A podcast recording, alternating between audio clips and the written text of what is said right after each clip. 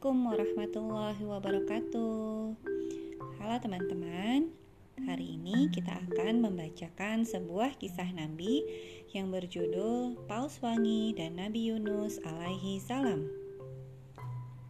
Bismillahirrahmanirrahim. Kamu masih mengikuti kisahku. Aku burung gagak yang sedang menjelajahi pelosok dunia mengumpulkan banyak cerita. Di sebuah pantai yang sepoi-sepoi anginnya, aku melihat makhluk raksasa. Makhluk itu membuatku takjub dan gugup. Apakah kamu pernah melihat makhluk sebesar itu? Panjangnya seperti puluhan rumah dijajar bersamaan. Aku mendarat di atas kepala makhluk raksasa itu. Apakah kamu ibu makhluk sedunia? Tanyaku kepadanya. Bagaimana kamu bisa sebesar ini? Makhluk raksasa itu paus. Aroma apakah ini? Aku mencium bau wangi. Paus itu menatapku. Aroma yang kamu cium itu minyak ambar namanya. Paus mengeluarkan ambar ketika sakit atau hampir mati. Aku merasa sedih. Aku kasihan kepada paus itu. Apakah kamu sakit? Aku terkenang cerita leluhurku. Dia seekor paus pemberani. Kami menyebutnya paus wangi. Paus wangi adalah penguasa samudra. Tidak ada penghuni samudra yang mampu menandinginya. Suatu hari di dermaga, sebuah kapal berlayar. Semua penumpang telah mendapatkan kamar. Nakoda kapal bersiap mengangkat jangkar. Tiba-tiba datang seorang lelaki yang hendak ikut berlayar. Bawalah aku dengan kapalmu, wahai nakoda, kata lelaki itu.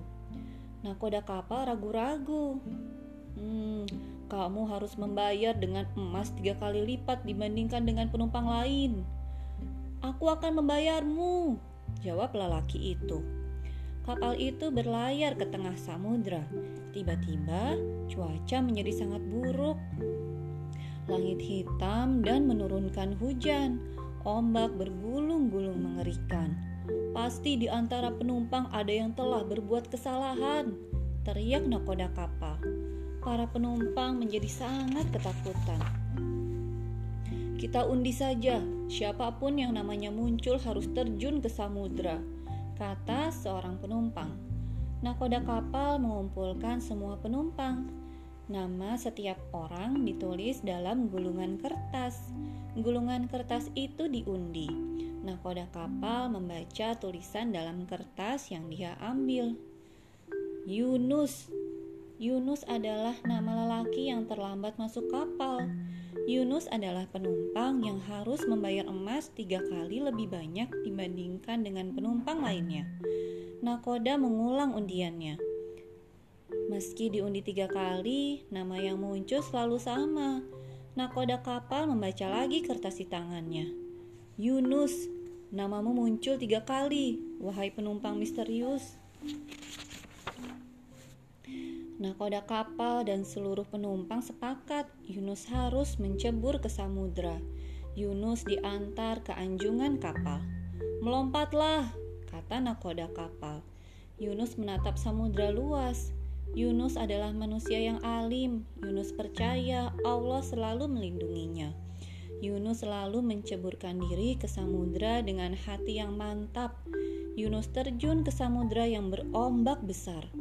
Setelah Yunus keluar dari kapal, cuaca menjadi tenang. Angin tidak lagi berhembus kencang, ombak tidak lagi tinggi dan ganas.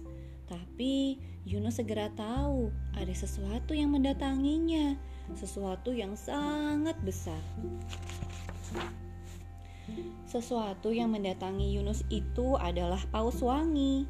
Besar sekali badannya. Paus itu mengangakan mulutnya Air pasang tersedot masuk ke dalam perutnya. Yunus pun tidak bisa melawan. Yunus masuk ke dalam perut paus itu. Yunus kemudian berdoa, Tiada Tuhan selain Engkau, ya Allah. Sesungguhnya aku termasuk orang yang menganiaya diri sendiri. Paus Wangi tidak makan berhari-hari. Selain lapar, Paus Wangi mulai sakit. Perutnya mengeluarkan ambar yang beraroma wangi. Sebenarnya Yunus yang aku ceritakan adalah seorang nabi. Nabi Yunus meninggalkan kaumnya karena marah.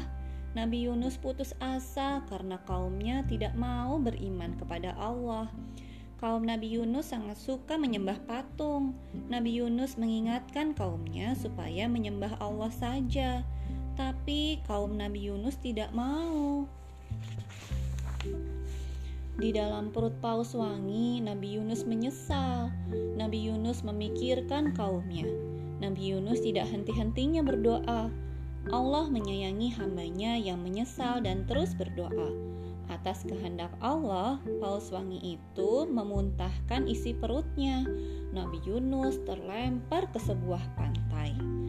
Nabi Yunus siuman di pulau yang terpencil. Nabi Yunus bersyukur kepada Allah. Nabi Yunus masih lemah dan tidak berdaya. Allah menumbuhkan tanaman labu di dekatnya.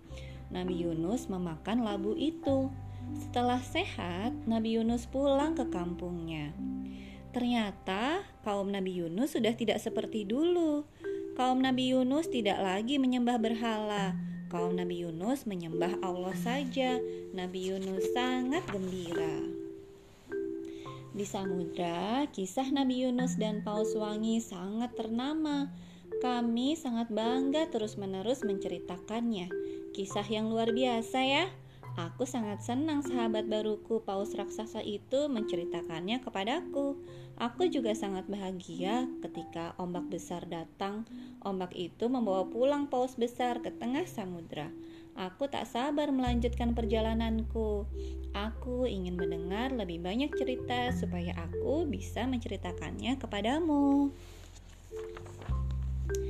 Nah, cerita ini ada di dalam buku My First Quran Story karya Abah Tasaro GK, ilustrator dari Rizkia Sadida dan diterbitkan oleh Mizania for Kids. Terima kasih sudah mendengarkan. Wassalamualaikum warahmatullahi wabarakatuh.